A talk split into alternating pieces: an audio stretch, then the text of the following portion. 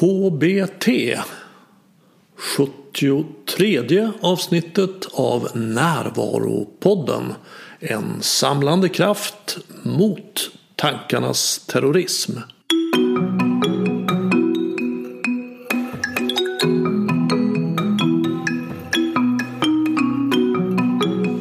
Det här är Bengt Renander.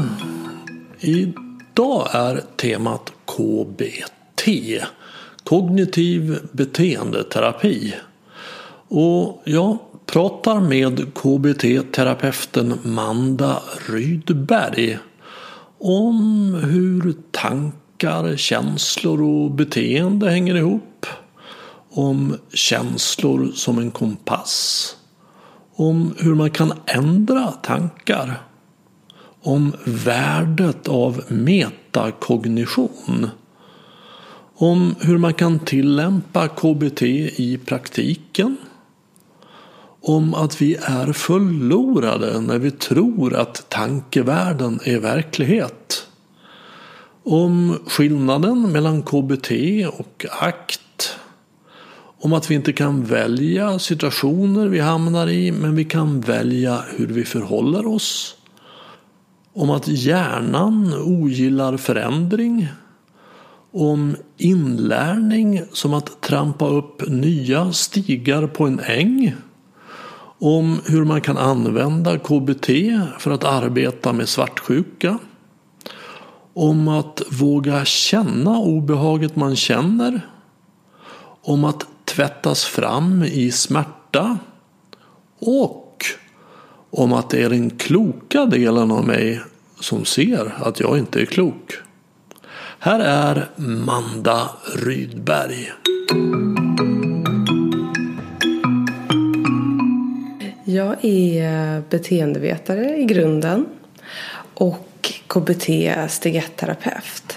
Ehm, och jag jobbar med ehm, att ja, ska man säga, guida eller facilitera, facilitera förändring för individer och grupper. Ja, det gör jag på många olika sätt med eh, individuella samtalssessioner eller workshops eller via föreläsningar eller artiklar och så. Och eh, jag älskar förändring. Mm. Hur länge har du hållit på med det? Sen 2014 började jag jobba inom psykiatrin. Ehm, och så det är liksom min grund. Mm, så, så hur ser en dag ut nu? Du har, har, är det huvudsakligen klientmöten då eller? Ja precis, det är det. Ehm, jag har min egna praktik, en mindre praktik som jag eh, driver själv. Och, ehm, och sen så konsultar jag mycket inom företagshälsovården. Mm. Vilket... Vad gör du då? då? Hur ser det ut? Ja, men då har jag både individ och eh, organisationsuppdrag. Mm. Och det är väldigt varierat. Mina klienter kommer med, även om, om det är företagshälsovård så kommer ju klienterna med väldigt många olika eh, utmaningar. Mm. Eh, allt från ångest, depression, sömnsvårigheter, kris, ehm, stress, ja. Och, och ditt huvudsakliga verktyg är KBT? Ja, så att KBT är min grund. Mm. Um, men jag använder jättemånga olika tekniker skulle jag säga. Och KBT är ju idag ett paraplybegrepp. Så att det innefattar ju så otroligt många olika metoder mm. och tekniker um, och strategier. Så. Men det är den teoretiska grunden kan man säga som jag vilar på. Ja, jag förstår. Mm. Jag, jag har ju ambitionen att vi ska grotta ner oss lite grann i KBT och se om vi kan förstå lite mer om vad det är för något och hur det fungerar. Ja. Så det står ju för kognitiv beteendeterapi. Exakt. Och kognitiv det kommer ju av kognition, alltså tankar. Mm. Så hur tankar påverkar beteendet. Mm. Exakt så. Ja. Hur brukar du beskriva KBT? Vad det? Nej men som du precis gjorde och att Um, grunden är väl att man, att man tänker att tankar, beteenden och känslor är sammankopplade. Um, och oftast, jag tror att vi alla kan relatera till att vi ibland inte vill känna på ett visst sätt. Um, jag vill inte sitta här och vara stressad eh, inför den här inspelningen. Jag vill inte känna oro. Eh, jag vill inte känna skam om jag ska säga fel eller inte prestera. Eh, utan jag vill känna glädje, jag vill känna nyfikenhet inför det här mötet och vårt samtal. Eh, men då, då det, om man, säger så här, man kan inte bara gå in och ändra en känsla. Mm. Därför att det är inte biologiskt funktionellt att mm. göra så. Utan eh, känslor är vår kompass. Och det är också, de är ju evolutionärt utformade. Mm. Eh, så det hade, och vissa, eller väldigt många av oss, jag tror vi alla kan relatera till det också, kan ibland stänga av våra känslor. Mm. Eh, men det är bara en kortsiktig lösning. Det går inte långsiktigt. Eller det blir, inget, det blir inte ett positivt resultat långsiktigt.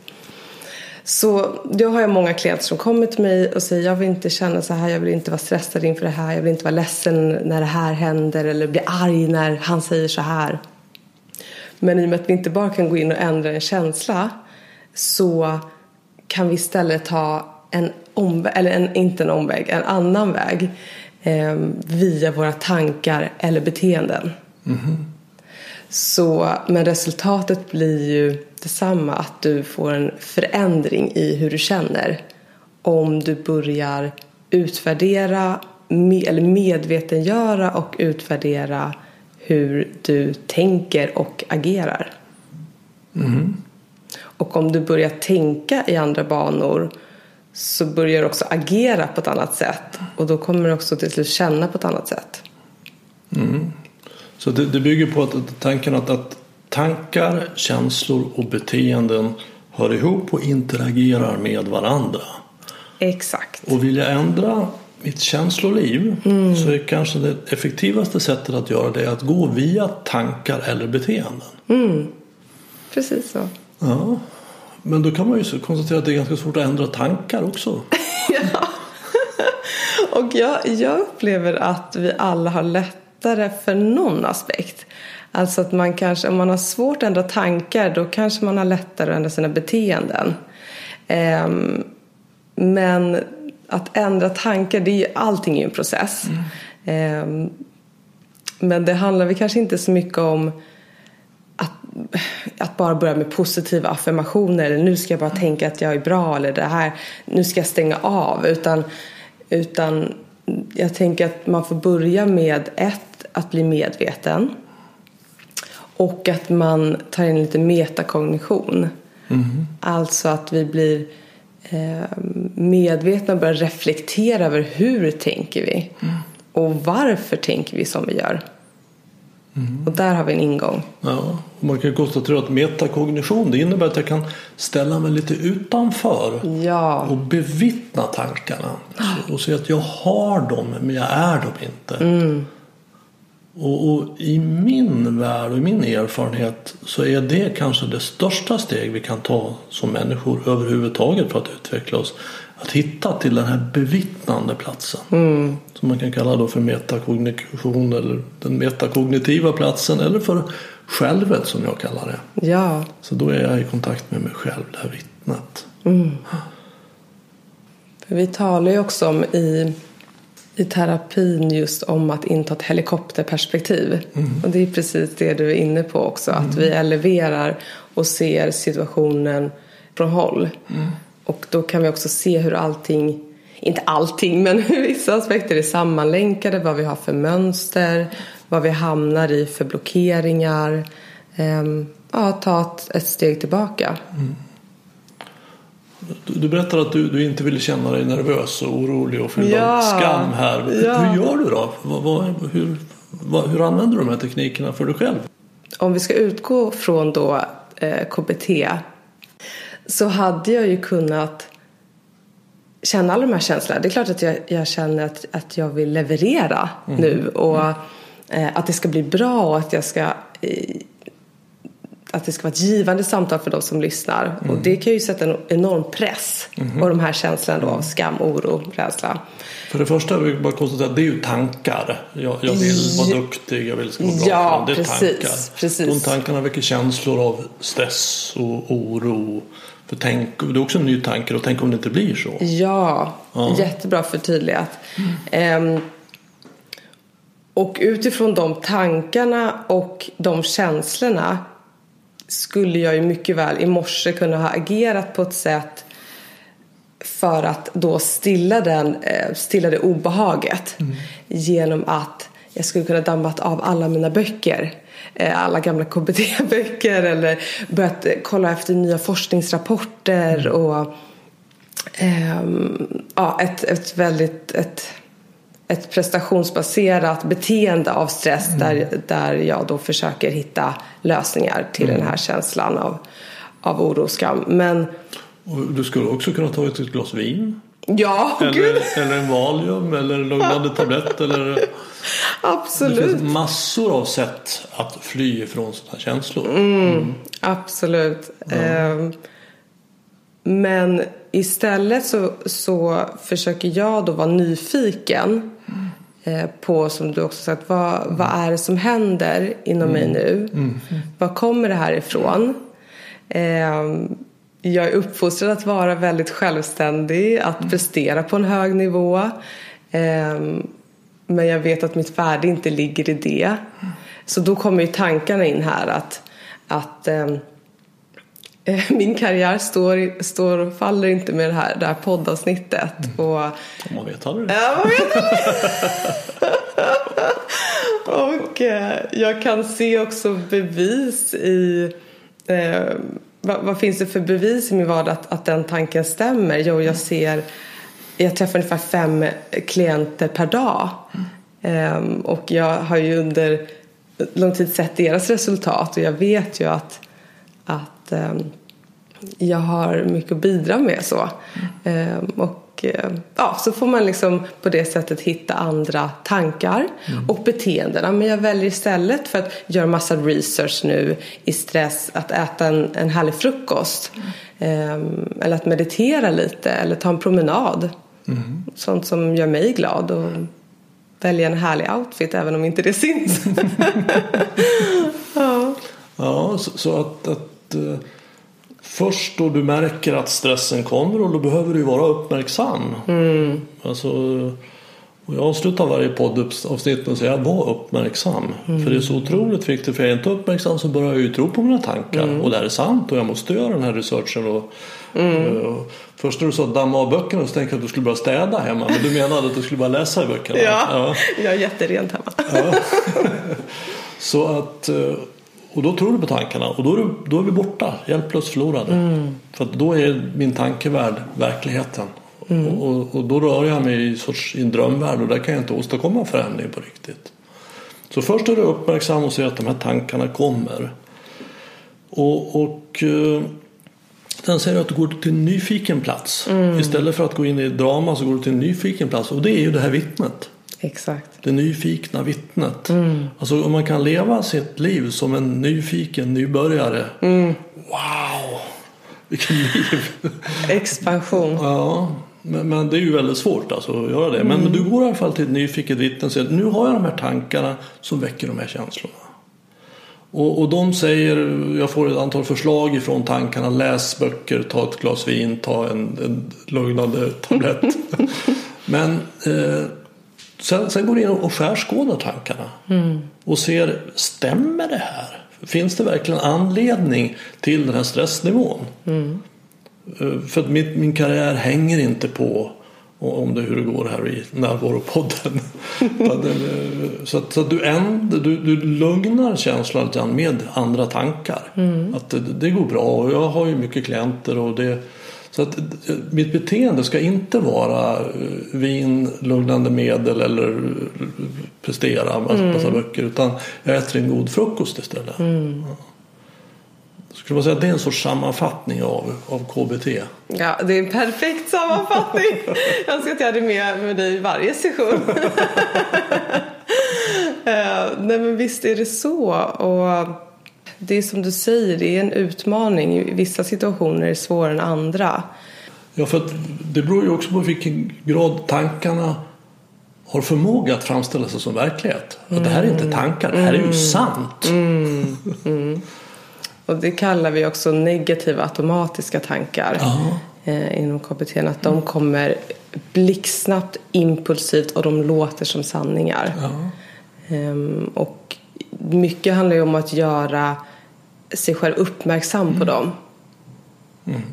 Och, och, när de kommer in och och det här nyfikna är, jag säger det ofta så, vi hanterar känslor lite som huvudvärk. Mm. Att, att, eller jobbiga känslor i alla fall. Att, att nej, stopp, vi vill skjuta ifrån oss det, vi vill stänga av och lite som med huvudvärk, bara ta en Alvedon och sen så är den borta. Mm.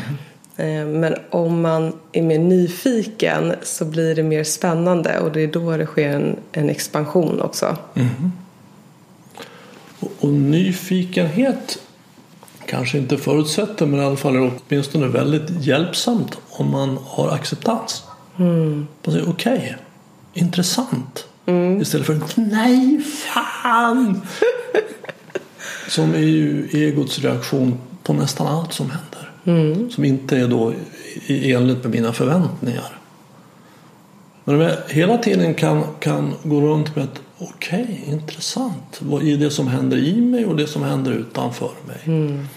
Egot gillar ju inte det. Vem är jag då? Mm. Om jag bara går runt och säger då är jag ju ingen. Ett mähä. En mes. Mm. Men det finns någonting väldigt, väldigt uh, tilltalande. För det är, det är en insikt om hur på ett sätt hur liten jag är här på jorden. Jag är bara en liten, liten pjutt här i världsalltet. Mm. Och, och så min lycka hänger ju väldigt mycket mer samman med min förmåga att interagera med det som är. Mm. Än att det ska vara som jag vill. Mm. Och vi kanske ska nämna någonting också om, om skillnaden mellan KBT och ACT. Mm. Jag, kom på ett sätt att, att, att, beskriva det här. För att i KBT så, så uh, går du till den bevittnande platsen och så mm. går du in och ändrar dina tankar. Mm. Att det här är ju inte så farligt och därmed ändrar känslorna. Jag vet inte om du håller med om det men jag, jag skulle säga att i ACT så säger man mer att ah, det är tankar. Mm. Gud vad det håller på. Det är bara pladder. Jag tar dem inte på allvar överhuvudtaget. Mm, mm. Ja, och egentligen så, så kanske man kan göra lite av båda. Absolut. Det, det handlar inte om bra eller utan mer så att man förstår ja, vad det är för skillnad. Att... Ja, ACT är ju grundat på acceptans ja. väldigt mycket. Men KBT är ju väldigt förändringsorienterat. Just det. Både med tankar och beteenden. Just det. Ehm, och också målinriktat och resultatorienterat. Mm. Ehm, och, ja. Det passar en prestationsinriktad person som dig.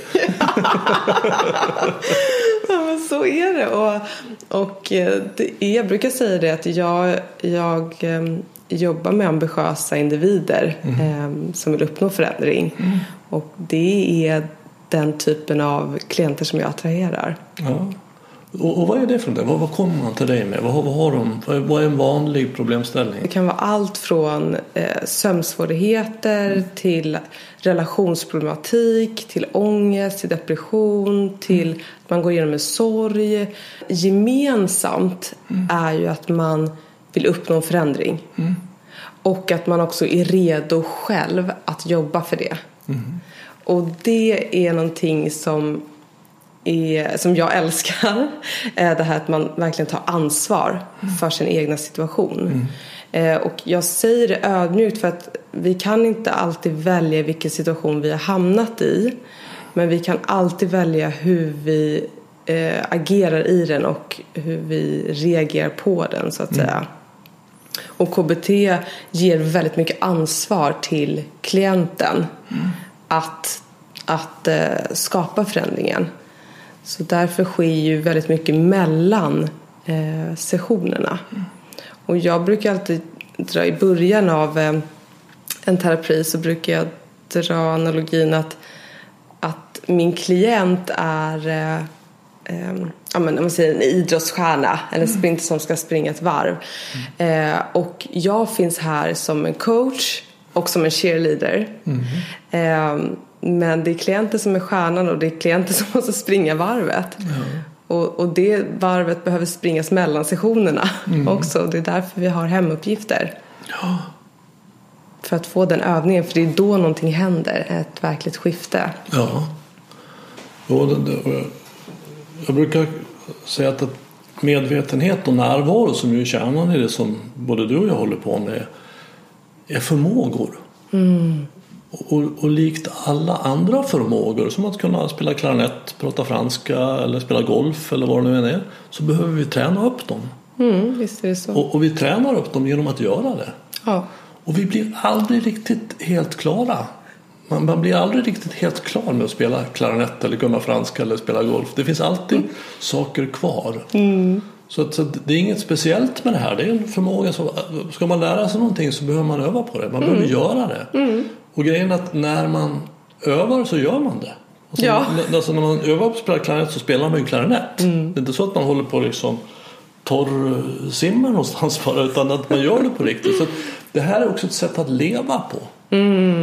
Så jag ändrar mitt sätt att leva på från att ha fokus i min tankevärld och tro på den till att gå till det här vittnet och kunna vara närvarande och medveten och förmågan att, få, att rikta min uppmärksamhet mot det innevarande ögonblicket.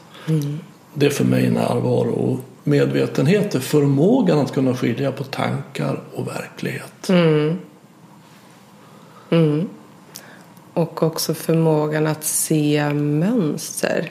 Det är lite nästa steg. Ja, berätta. Färdighet kommer ju vid övning, även om vi som du säger aldrig blir färdiga. Så livet är en expansion. Det finns alltid, om vi är som en lök så finns det alltid ett nytt lager. Vår hjärna gillar ju inte förändring. Nej. Eh, förändring uppfattas alltid som fara. Även om det är en positiv förändring. Så hjärnan gör allt för att vi ska vara kvar i våra gamla hjulspår.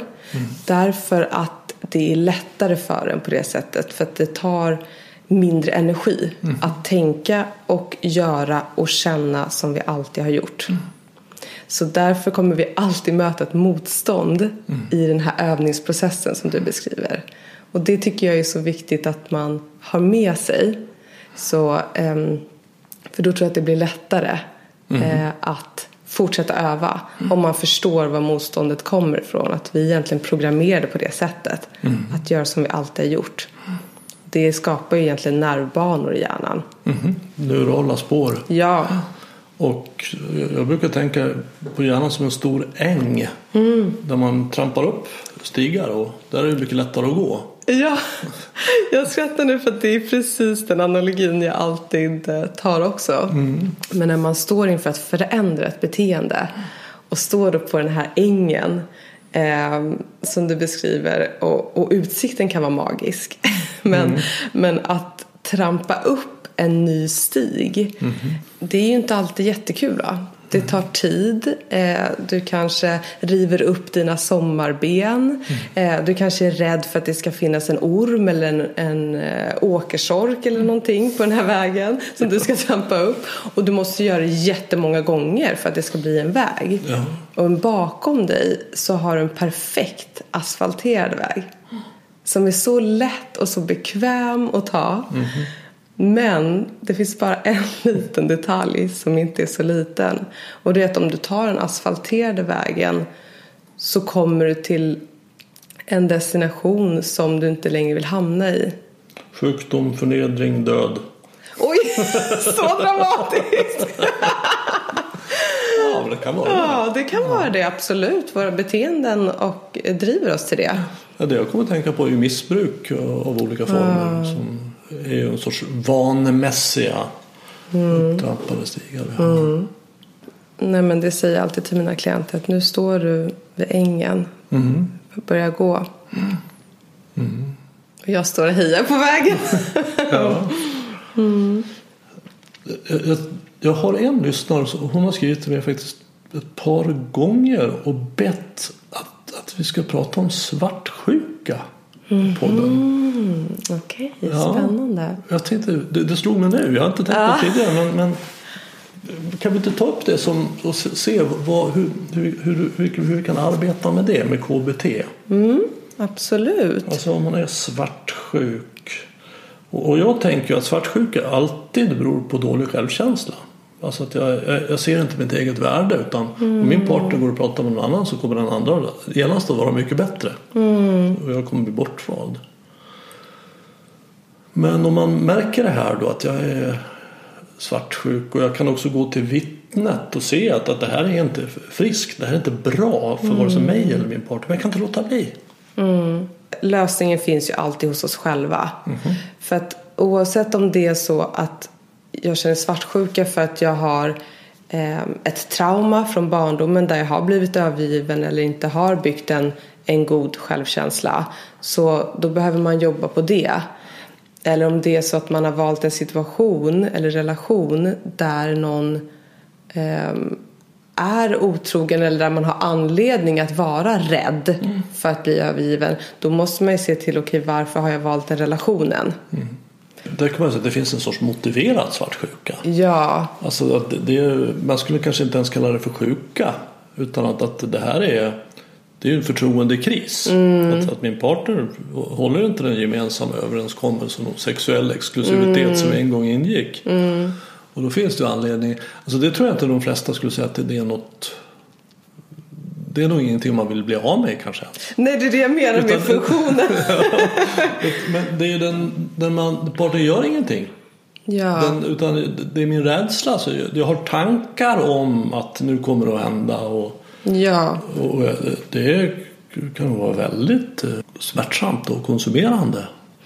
Ja, för båda parter verkligen. Mm. Ehm, och, och då, om vi då tar vidare och säger att den här personen då nu är en relation som är stabil och det inte finns mm -hmm. något oro men hjärnan upplever det så. Det finns en rädsla, eh, för det här är ett rädslodrivet beteende och kontroll är alltid kopplat till rädsla. Mm. Eh, då är det som vi har pratat om eh, att man får börja, att den här personen behöver ehm, bli medveten. Vilka situationer är det som triggar mig? Mm. Eh, vilka situationer är det som gör att jag känner mig svartsjuk? Mm. Och då inta ett nyfiket förhållningssätt. Mm. Och jag brukar alltid, om man vill ta det ett steg djupare, mm. är att ställa sig själv frågan när kände jag det här första gången? Mm.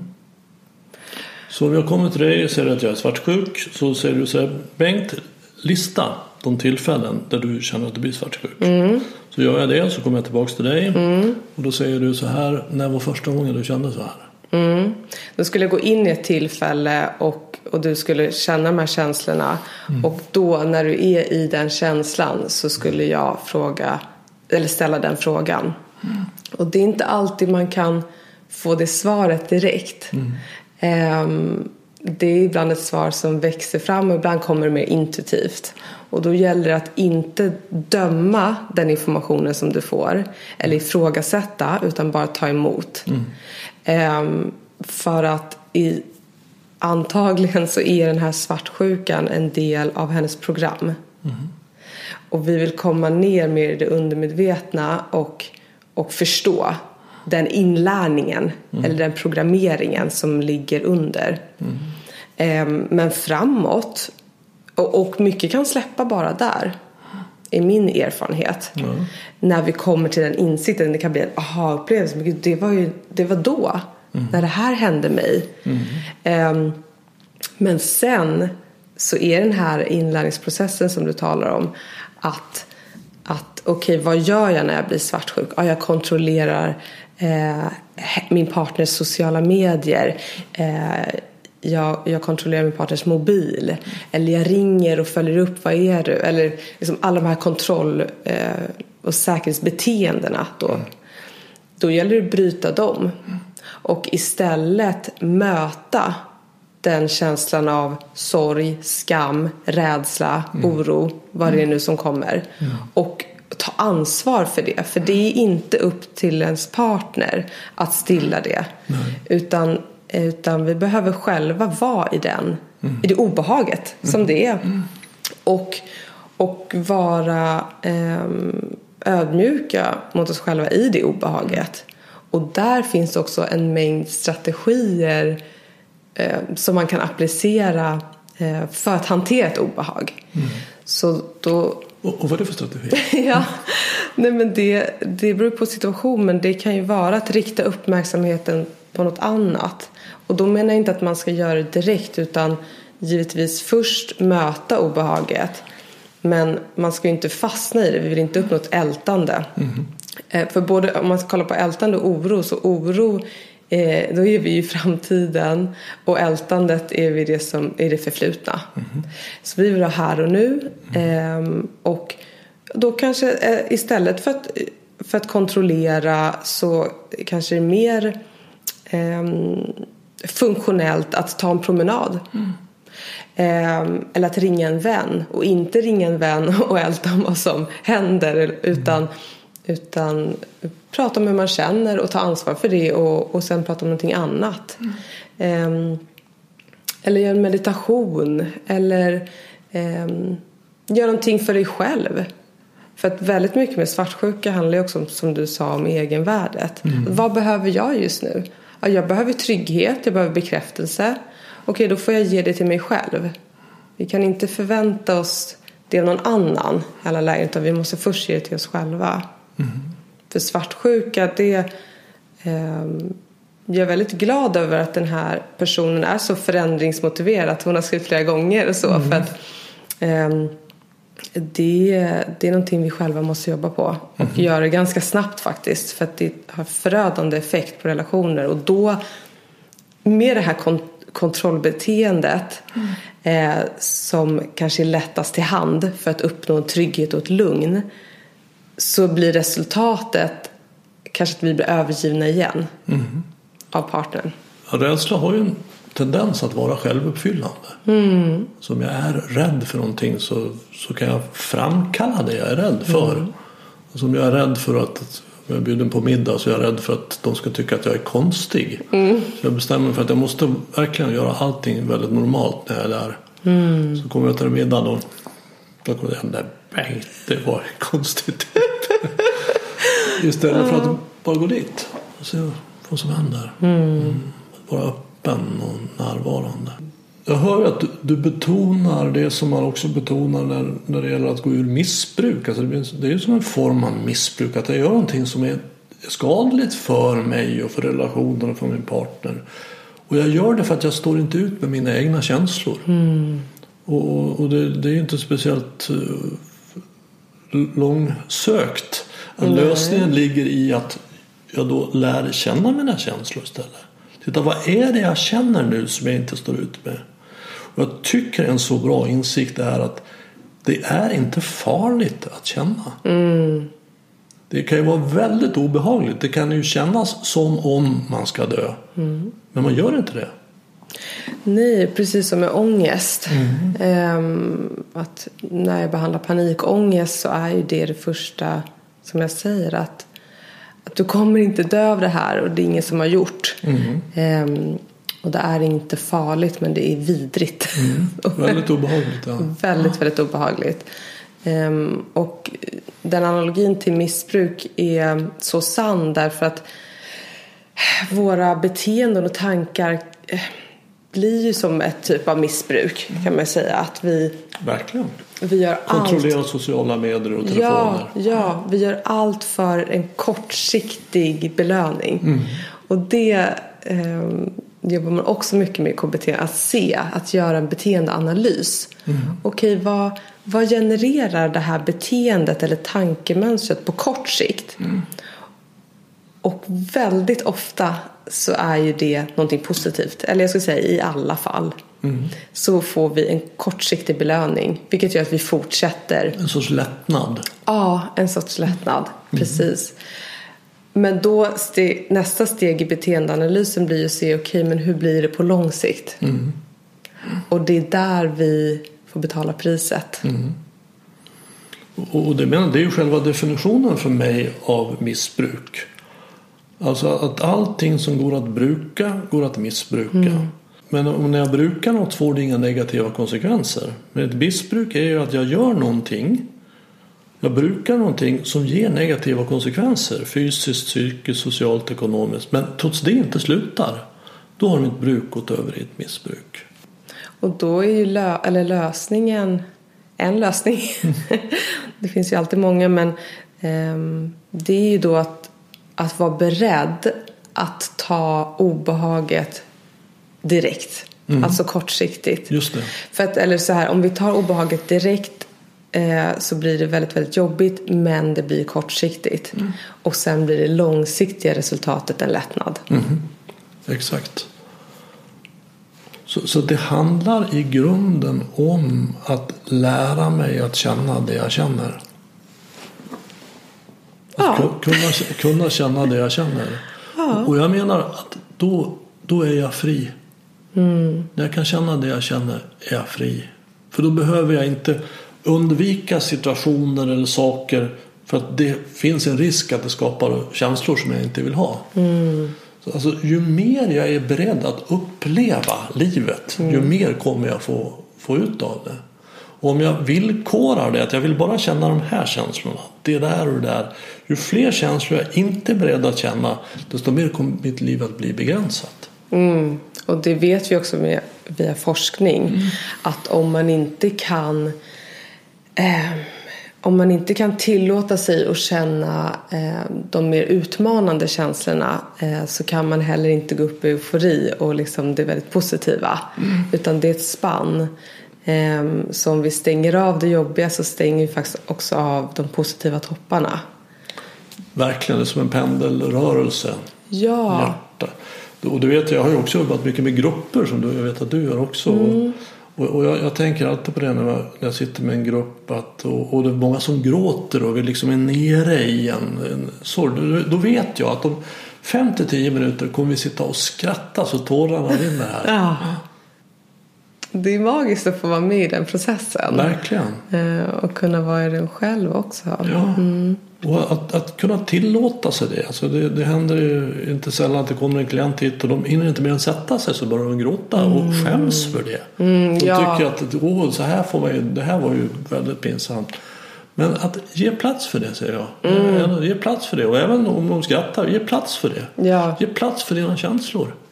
Skam är väldigt förknippat med att gråta. Jag, det, mm. jag skulle säga att 90 procent av alla som gråter i mina sessioner ber om ursäkt för det. Ja. Och jag säger alltid det att nej, det här är så positivt att du är i kontakt med dina känslor. Det är där vi börjar. Ja. Och känslor har liksom lite fått ett bad rep. Mm. Man har ju sedan antiken egentligen skilt på intellekt och på känsla. Mm. Men idag, eh, också via forskning, så vet vi att, att eh, vi kan faktiskt inte fatta ett beslut ut, som inte är grundat på en känsla. Så frågan är egentligen, är du medveten eller omedveten om vilka känslor som motiverar dina beslut? Mm -hmm. Och då så tror jag att man kan börja se på känslor på ett helt annat sätt. Och lämna den här gamla diskursen om att känslor är irrationella och jobbiga och eh, okontrollerbara och allt vad det är. Och istället se det som någonting otroligt värdefullt för att vi ska kunna fatta rationella beslut och för att vi ska kunna bli guidade. Mm. Och att eh, jag talar aldrig om negativa känslor. Eh, för att det finns faktiskt inte några sådana. Däremot så finns det, om man, som du säger, om man kollar på ett spann eller som en termometer. Att, att högst upp så har vi då känslor av positiv karaktär som känns bättre att vara i. Som nyfikenhet och glädje. Mm. och längre ner eh, så har vi då känslor som känns negativa att vara i. Som kanske ehm, skam mm. eller sorg. Men, men eh, det är vår upplevelse av dem men, men de är inte negativa i sig. Mm. Utan väldigt, väldigt viktiga för vår överlevnad faktiskt. Mm. För om man inte känner skam, alltså då pratar vi om en empatistörning som inte är så gynnsam så att säga. Um, jätteviktigt. Och känslo, känslolivet det har ju många hundra miljoner år, i alla fall många miljoner år i evolution. Kanske inte mm. hundra, men ja, jo, rädslan hade, kände väl säkert dinosaurier också. Medan intellektet har ju inte mer än 100 000 år i, av revolution. Så att vi, våra tankar kan lura oss men man ska väl kanske också vara medveten om att även våra känslor kan lura oss. Ja, ja, ja, absolut. Och det är jättebra att du säger det. Ehm, givetvis så ska vi inte tänka, alltså kompassen kan visa fel så att säga. Det, det finns många situationer som vi inte behöver vara rädda för. Ja. Som vi ändå är rädda för. Ehm, visst är det så. Det finns någon sorts ohelig allians där, där, där tankarna, det kommer tankar som är felaktiga, till exempel att min partner har en annan. Mm. Det, det stämmer inte, men det är en rädsla för det som väcker en känsla av oro och, svartsjuka. Mm. Och jag är helt ute och cyklar. Det stämmer inte. Mm. Att, och, och den här rädslan gör att eftersom jag mår så dåligt så måste det ju vara något fel. Mm. Det är något fel här i relationen. Jag litar inte på honom. Så att man behöver bryta det där någonstans. Och, Mm. och, och, och det enda sättet jag kan se det är att gå till det här vittnet och säga att jag är inte klok. Gud, vad- Gud vad jag håller på. För att det, det är ett så fint ögonblick för den som ser att jag inte är klok, den är klok. Det finns en del och det, där tycker jag psykosyntesen är så bra. Eh, Att, att i, i uppdelningen då i självet och egot och självet för mig vittnet och egot är personligheten. Det är hämtat från buddhismen egentligen. Och många människor har inte kontakt med sig själva. De har inte kontakt med den här delen som är klok. Nej. För att när jag bara är den här delen som inte är klok, då tror jag att jag är klok.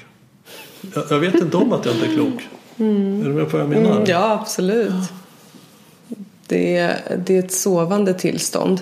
Ja, exakt. Jag lever i en drömvärld. I tankarnas drömvärld. Det är också så vi är programmerade. Att inte ifrågasätta. Så, ehm, och, och kanske också inte lita på oss själva, vår intuition. För det, det, det kan ju också vara väldigt svårt att skilja på intuition och rädsla. De sitter i samma trakt så att säga. Ja, verkligen. Där behöver man träna upp sin förmåga att göra det. För de låter väldigt likadant. Jag tänker så här att, att våra känslor är ju till för att guida oss. Alltså det, finns, det, det, här, är- det här känns bra, det är attraktivt. Eller att jag känner mig väldigt lugn, jag behöver inte göra någonting. Eller jag känner panik, jag känner ångest och nu måste jag verkligen göra någonting direkt. Och, och det har ju många, många hundratusen, flera miljoner år av evolution. Och sen, sen så för, för i storleksordningen 100 000 år sedan så fick vi förmågan att tänka. Alltså det kom en röst i huvudet. Vårt språk blev så utvecklat så att vi kunde höra en röst i huvudet. Och, och den har ju enorma fördelar. Alltså att vi, vi kan lära av det förflutna. Vi kan planera för framtiden. Vi kan föreställa oss det som inte finns. Så att om vi ser en flod och vi vadar över det. Det tar sån tid och bökigt här vi blir blöta. Om man bygger en bro här så kan vi för oss hur den ser ut och sen så kan vi planera för vad vi ska göra och så gör vi det. Så det är ju fantastiskt. Det är ju det är därför vi har en sån särart här på jorden. Vi människor. Det är därför vi går på zoo och tittar på gorillor och inte tvärtom. Det beror inte på att, att vi är starkare än dem utan att vi kan tänka. Och då tog, alltså våra gener vill ju egentligen bara överleva. Jag vill bara komma vidare till nästa generation. Det är en så viktig drivkraft för en, en art. För har man inte den så dör man. Så att generna tog tankarna i anspråk för att överleva också. Och säger då så här att du måste hålla reda på allt jobbigt som har hänt. Allt. Du får inte glömma någonting. Så du måste repetera det här i huvudet hela tiden så att det inte händer igen. Du måste räkna ut allt hemskt som kan hända i framtiden. Så att du kan undvika det. Du måste hitta lösningar på det också. Och du använder din förmåga att föreställa dig det som inte finns för att räkna ut det. Och så måste du också hitta på lösningar när din lösning inte har fungerat. Det är vad du ska göra från morgon till kväll. Var rädd så att du överlever. Generna bryr sig inte så mycket om vi är lyckliga eller inte. Så att om vi inte vaknar upp på det här så kommer vi gå runt och bara vara rädda. Och, och många människor är det idag. Från morgon till kväll. De hinner inte mer än vakna och säga Oh shit! Gud, det här som hände för tio år sedan, två år sedan. Hur det ska bli på fredag i helgen. Och vad säger du om det? Nej, jag tycker fantastiskt, eh, en fantastisk sammanfattning, verkligen. För det är precis så det är. Så vad vi arbetar med är ju att, att, att hjälpa oss själva. Jag hamnar också i det här dramat varje dag. Mm. Och, och se att min rädsla står inte alls i proportion till faran. Mm. Jag är mycket, mycket mer rädd än vad det finns anledning till. Det är inte alls så farligt att vara du och vara jag som vi är rädda. Mm. Och det är ett sorts uppvaknande. Jag vaknar upp till verkligheten. Ja, och det, så är det verkligen. Och jag tänker också ett, ett spirituellt ordspråk är ju att, att det finns egentligen i alla val som vi står inför när det kommer till tankar, känslor och beteenden så finns det egentligen bara två valmöjligheter. Och det är antingen rädsla eller kärlek. Och om vi har med oss det i varje val Mm. så blir det ganska tydligt vad som är vad. Mm. Och för det blir då kärlekslöst att gå rädslans väg. Alltså att börja kontrollera sociala medier, att dricka vin och ta lugna tabletter och allt vad det är. För det, det förstör för mig. Mm. Kärlekslöst. Och när jag kommer från egot så blir det ofta kärlekslöst. Men som jag då kommer från självet så då, då är det kärleksfullt. Men det är också som du säger att, att egot har ju också fyllt en väldigt viktig evolutionär roll för oss. Så det är det som gör att vi äter och ser till att vi är trygga. Och eh, ibland tycker jag att, att egot eh, också har lite dåligt rykte. Ja. lite oförtjänt dåligt rykte. Att, att eh, man, ja. Jag brukar säga att det är en dålig chef men en fantastisk tjänare. Så att om det är egot som bestämmer, alltså att mina rädslor och begär. Jag skulle säga att om, för mig är egot, om man ska sammanfatta det i fyra ord, så är det rädslor och begär i förhållande till framtiden och det förflutna. Jag vill att det ska bli så här mer än det ska bli så. Jag tycker det var dumt att det var så där för att det inte blev så så att det inte kan bli så där i framtiden. och, det utspelar sig, allt detta utspelar sig naturligtvis i tankevärlden för framtiden och förflutna finns bara i tankevärlden. Ja. Ingen annanstans. Och, och självet är ju här nu.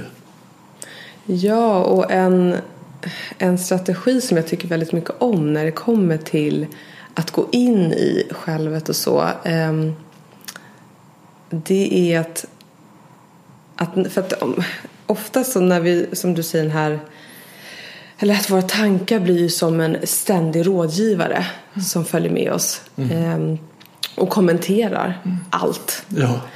Och eh, om vi ska ta eh, den här svartsjukan som ett exempel. Eh, då, då kanske den här personen har eh, eh, en träff inbokad med eh, sin partner eller någon hon dejtar eller vad det nu är. Och så hör hon inte från personen. De har bestämt att de ska ses den här fredagen och äta middag. Men han är tyst, det kommer inga sms. Helt, liksom, helt tyst hela dagen. Och då kommer ju känslorna och tankarna. Eh, det är över. Han har träffat någon ny. Eh, vi kommer inte att träffas, kommer inte bli någon middag. Eh, jag kommer bli övergiven igen och nu kommer jag singel och gud, kommer jag träffa någon ny. Hur ska jag, ska jag gå ut på Tinder igen? Och nej, det var inget bra. Och så vidare, och så vidare, och så vidare. Och, och då kan också den här ångestlinjen komma in att, med tankar som att nej men det var ändå inget bra. Han är ändå inget för mig. Jag behöver ändå inte det här. Jag måste ändå fokusera på jobb eller vad det nu kan vara.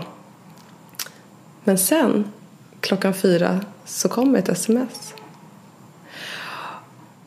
Hej, jag, eh, jag hade jättemycket min mobil eh, ramlade i sjön. alltså, inte vet jag. Oavsett, det, var en, det vill säga att det var en rimlig förklaring. Och som av en förtrollning, så liksom förtrollning är bruten och hon känner sig så lättad, glad, entusiastisk, kär. Ehm, men hon håller aldrig den här rådgivaren ehm, ansvarig för den information som hon har matats med hela dagen. Men om jag, eller du som terapeut, hade matat en klient med den här Mm. informationen. Nej, det, det här ska du släppa, det är ingenting, gör slut eller hitta någon annan. Eh, ni kommer aldrig ses. Eller om det hade varit en coach som hade sagt det, eller en vän. Jag menar, hon hade aldrig gått till den källan igen för information. Hon hade inte velat, velat köpa några mer sessioner. Eh, så då, då utvärderar man verkligen, men jag ska nog inte lyssna på Lisa nästa gång för hon hade ju helt fel i den här situationen. Men vi gör det aldrig med vår interna rådgivare. Nej, det är helt sant. Jag brukar tänka att om det vore en, en man bodde ihop med ett, i ett rum i en studentkorridor. Egot som höll på att prata, då skulle man byta rum. Byta institution. Väl, väl, ja, precis. Väldigt fort. Men, men nu, nu tycker man att det är okej. Och, och, och också vad den här rösten kan säga om en själv. Vad ful du är och vad fel och dålig och usel och du är för mycket av det här och för lite av det här. Och, och för stora sådana där och för små sådana här. Och Fattar du väl att du inte... Den är så, kan vara så skoningslös. Jag, säger, men, jag menar, vi har den alla i oss. I mer eller mindre hög grad. Och tar man den på allvar. Ja, det är förödande då. Det blir det. Ja. Och så kommer vi ihåg att i grunden, i grunden, i grunden egentligen vill den bara hjälpa oss att överleva. Så att hon som sitter och väntar på att den här dejten ska höra av sig. Den vill liksom hitta strategier. Om det, om det kommer gå skogen där så måste jag hitta andra. Hur ska jag Ja. göra då? Hur ska jag göra då? Då, då, då, då. Så vi håller på och försöker överleva. Det är vad den här vill göra. Men, men den är helt dysfunktionell. Vi ska inte lyssna på den. Och, och det är svårt att göra eftersom man pratar i huvudet. Man kan inte stänga öronen, hålla för öronen, den pratar där i alla fall. Men man kan ju göra då som antingen som i akt. Att man, man, och och det är nog mer så jag jobbar tror jag. Att, att, att det där är ju bara bullshit. Det, det är som en radio som står på. Och vem som sitter i andra änden och sänder det, det vet jag inte. Men det är i alla fall inte jag. Nej. Och jag är inte så intresserad av det här radioprogrammet överhuvudtaget. Utan kan man skruva ner och låta den stå. För att jag, jag, jag, vet inte, jag har inte lyckats stänga av den. Så att det blir helt tyst i huvudet. Jag har haft gäster här faktiskt som har sagt att jag, jag tänker inte längre. Men så är det inte för mig. Utan det håller på. Jag är inte klok och det håller på att jädra pladder. inte hela tiden numera. Men, men, men jag tar det inte så allvarligt. Nej. Det är den stora förändringen.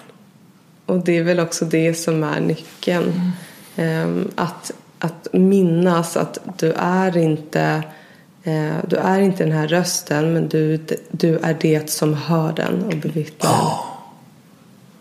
Jag har den, men jag är där inte.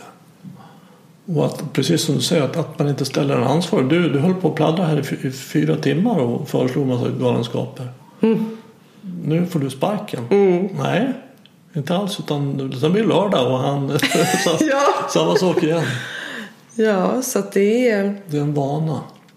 Ja, och vår hjärna är gjord så att vi har, vi har den här rösten och vi, och vi, har, vi kommer höra det.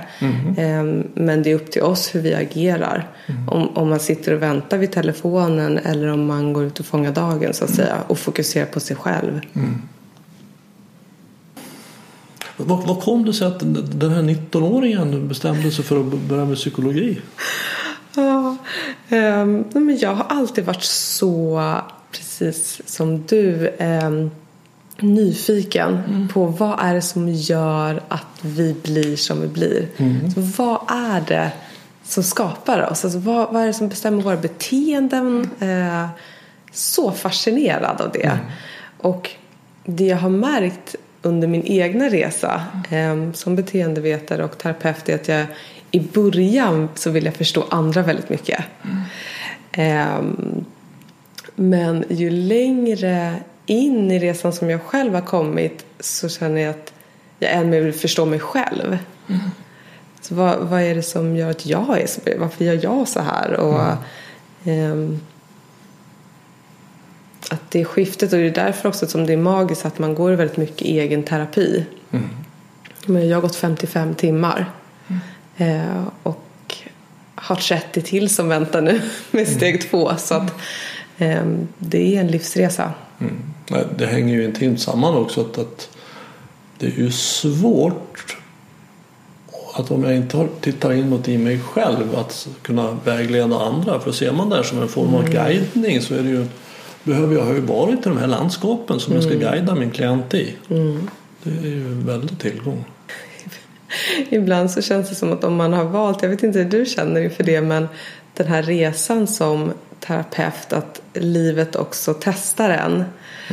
För jag känner bara att jag i mina kriser blir så ödmjuk eh, gentemot mina klienter. Eh, och har bara det här året som vi alla har blivit testade väldigt mycket men, men, men också sen min eh, terapeutiska resa så har livet verkligen slängt ut tester om man säger så. Med, mm. med motgångar, med sorg och med krossat hjärta och allt vad det är. Mm. Men jag tror verkligen man behöver det för att också sen kunna möta någon annan i det. Mm. För den ödmjukheten och den förståelsen faktiskt. Mm. Men ibland är det en tuff resa. Mm. Absolut. Men det är ju också det som är utvecklande. Mm. Så jag brukar ibland citera Master Li som en Chen Chen Gong mästare, alltså den typ av qigong viss kines, drygt 80 år. Och många, många kommer till honom för att be om råd. Och han sitter alltid och lyssnar. Så, ja, han, han, förstår engelska bra, men han pratar inte så bra engelska. Mm. Han har lyssnat klart så kan säga så här. Looks bad. Maybe good. och det tycker jag är en otroligt bra insikt. För jag vet inte mm. vad, vad, vad det är du har varit med om i form av smärtor och hjärtesorg naturligtvis. Men, men jag kan tala för mig själv att jag ser i efterhand att jag är tacksam. Mm. Det var jobbigt och, och verkligen på riktigt jobbigt. Men jag är ändå glad att det hände. För det har lärt mig någonting om vem jag är egentligen. Det har fört mig närmare mig själv, den är sant det. Så ett sätt att se det är att, liksom att vi tvättas fram i smärta. Mm. Ja, verkligen. Och en, ett verktyg eller en strategi som, som jag tycker om att applicera själv men också ge till klienter som har gått igenom en kris. Det är just att, att eh, skriva ner, okej okay, hur blev det här kortsiktigt? Och eh, hur blev det långsiktigt? Mm. Och det är precis det som du är inne på. Och, mm. och det som vi bör göra med alla våra beteenden också. Att det här kortsiktiga versus långsiktiga. Att kortsiktigt var ett helvete kanske. eh, men wow, långsiktigt. För om det är sant att, att vi tvättas fram i smärta, alltså det är smärta som utvecklar oss, eller i alla fall har en potential att utveckla oss, så innebär ju det att om jag undviker smärta så kommer jag heller inte att utvecklas. Nej. Alltså om jag har de här olika beteendena som är olika former av missbruksbeteenden till exempel. Mm. Och vi även inkluderat sånt som svartsjuka där. Så kommer jag inte att utvecklas utan då blir jag kvar. Utvecklingen ligger i att istället för att göra det där jag har för att undvika smärtan så känner jag smärtan. Och där finns potentialen. Så att, och det är det tror jag buddhisterna pratar om. Pratar om lotusblomman som väx, växer ur dynga. Ja. Så, som en metafor för utveckling. Ah. Att ur det här kletiga, jobbiga, obehagliga så växer någonting väldigt, väldigt vackert. Mm. Och jag tycker också om ordspråket uh, uh, The cure for the pain is in the pain. Ja, exakt. Som samma filosofi. Verkligen. Mm. Det är därför vi måste våga gå in i den. Ja. Och inte ta Alvedonen. Eller vinet. Exakt. Ja, men det var en fin, fin avslutningsinsikt tycker jag. Mm. Mm. Tack för att du kom hit. Tack.